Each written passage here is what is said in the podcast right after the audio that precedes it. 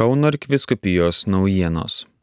Spalio 9 dieną arkiviskupijos jaunimo centre įvyko pirmasis Samuelio kurso susitikimas jauniems suaugusiems, ieškantiems Dievo ir savojo pašaukimo. Dalyvavo 26 jaunuoliai iš Kauno, Vilniaus, Klaipidos, Plungės, Marijampolės, kitų Lietuvos miestų. Dalis jungėsi per nuotolį. Registracija į Samuelio kursą tesiama. Lapkričio 6 dieną vyks antrasis įvadinis susitikimas, organizuoja pašaukimų selovados bendradarbiai.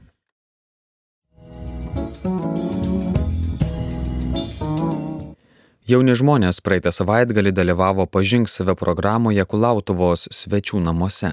Šie namai įsikūrė atokiau nuo miesto šurmulio, todėl jaunimas be rimtų užsiemimų turėjo galimybę pasigėrėti kūrinijos grožiu bei ramybę. Jaunuoliai klausė paskaitų apie savivertę, žmogaus unikalumą, vertybės, šeimos įtaką besiformuojančiai asmenybei. Savaitgalis jungia jaunus žmonės į bendrystę ir vedė prie savęs ir kito pažinimo. Pažink save programą įgyvendina Kauno arkiviskupijos šeimos centras.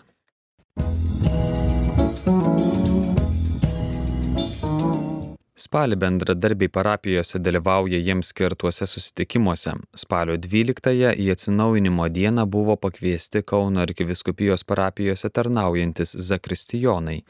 Konferencijas vedęs tėvas Aldonas Gudaitis pakvietė šiuos bažnyčios tarnautojus pažvelgti į savo tarnystę kaip į pašaukimą, kuriame svarbiausias yra viešpats. Tėvas Aldonas linkėjo zakristijonams, kad jų šventas darbas duotų džiaugsmo ir prasmės. Spalio 13 dieną sesuo Dovida Jaugelytė vedė seminarą maldos grupių vadovams, o iki pirmadienio į seminarus dar gali užsiregistruoti bažnyčių puošėjai, valytojai bei liturgijos skaitovai.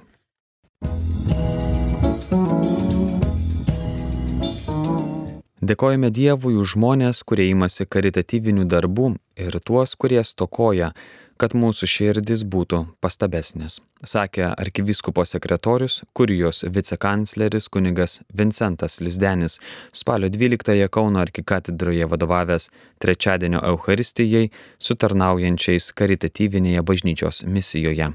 Šį maldos vakarą rožinio malda pradėjo arkiviskupijos karito bendradarbiai, kurie buvo parengę ir visuotinius maldavimus apimančius plačią karito bendruomenę parapijose bei dekanatuose. Visus geradarius, taip pat ir kolegas kitose karitatyvinėse bei socialinėse organizacijose, kad visi nepristiktų jėgų, kantrybės ir prasmės darbuotis vargstančiųjų labui. Malda buvo užtarti karo Ukrainoje paliesti žmonės bei stiprinta viltis tokojančių žmonių, ypač tų, kurie neturi stogo virš galvos.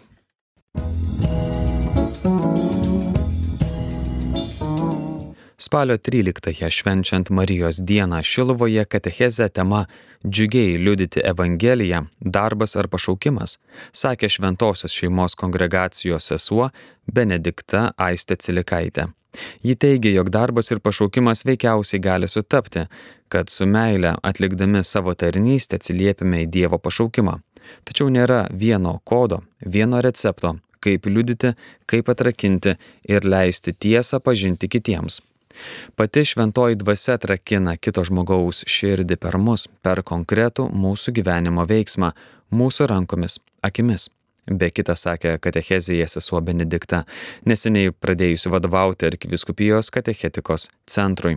Euharistijai vadovavęs arkiviskupas Kestutis Kievalas vakar Šilovoje atkreipė dėmesį, jog tai, ką mes matome Ukrainos kare, įvairiausiuose šiandienos vakarų pasaulio išbandymuose, kur yra nepagarba šeimai, gyvybei, yra pasaulis be Dievo, pragaro atšvaitai.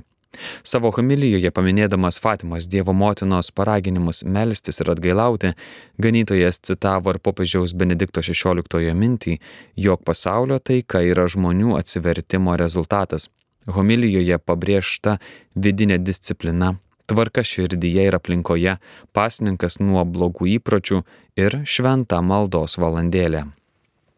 Visiems besimeldžiantiems, visiems ištikimiems Šilovos piligrimams arkivyskupas padėkojo už jungtinės maldos pajėgas ir išsakė prašymą ypač melstis už pašaukimus, taip pat už šeimą ir gyvybės kultūrą, nes dėl šių dalykų visuomenėje vyksta tektoniniai lūžiai, kuriamos naujos šeimos sampratos, priimami sprendimai palengvinantys gyvybės nutraukimo procedūras.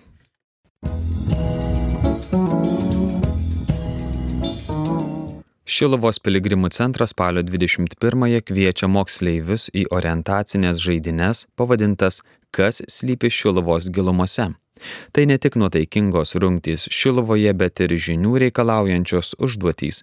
Dalyviams teks gerokai paplušėti, kad jų komanda pelnytų geriausios moksleivių komandos titulą. Registracija iki spalio 17 dienos.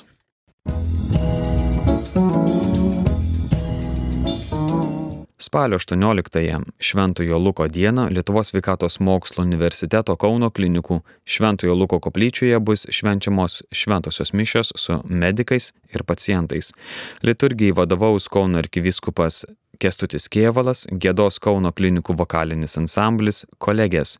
Bažnyčios tradicija sako, jog evangelistas Šventasis Lukas buvo gydytojas.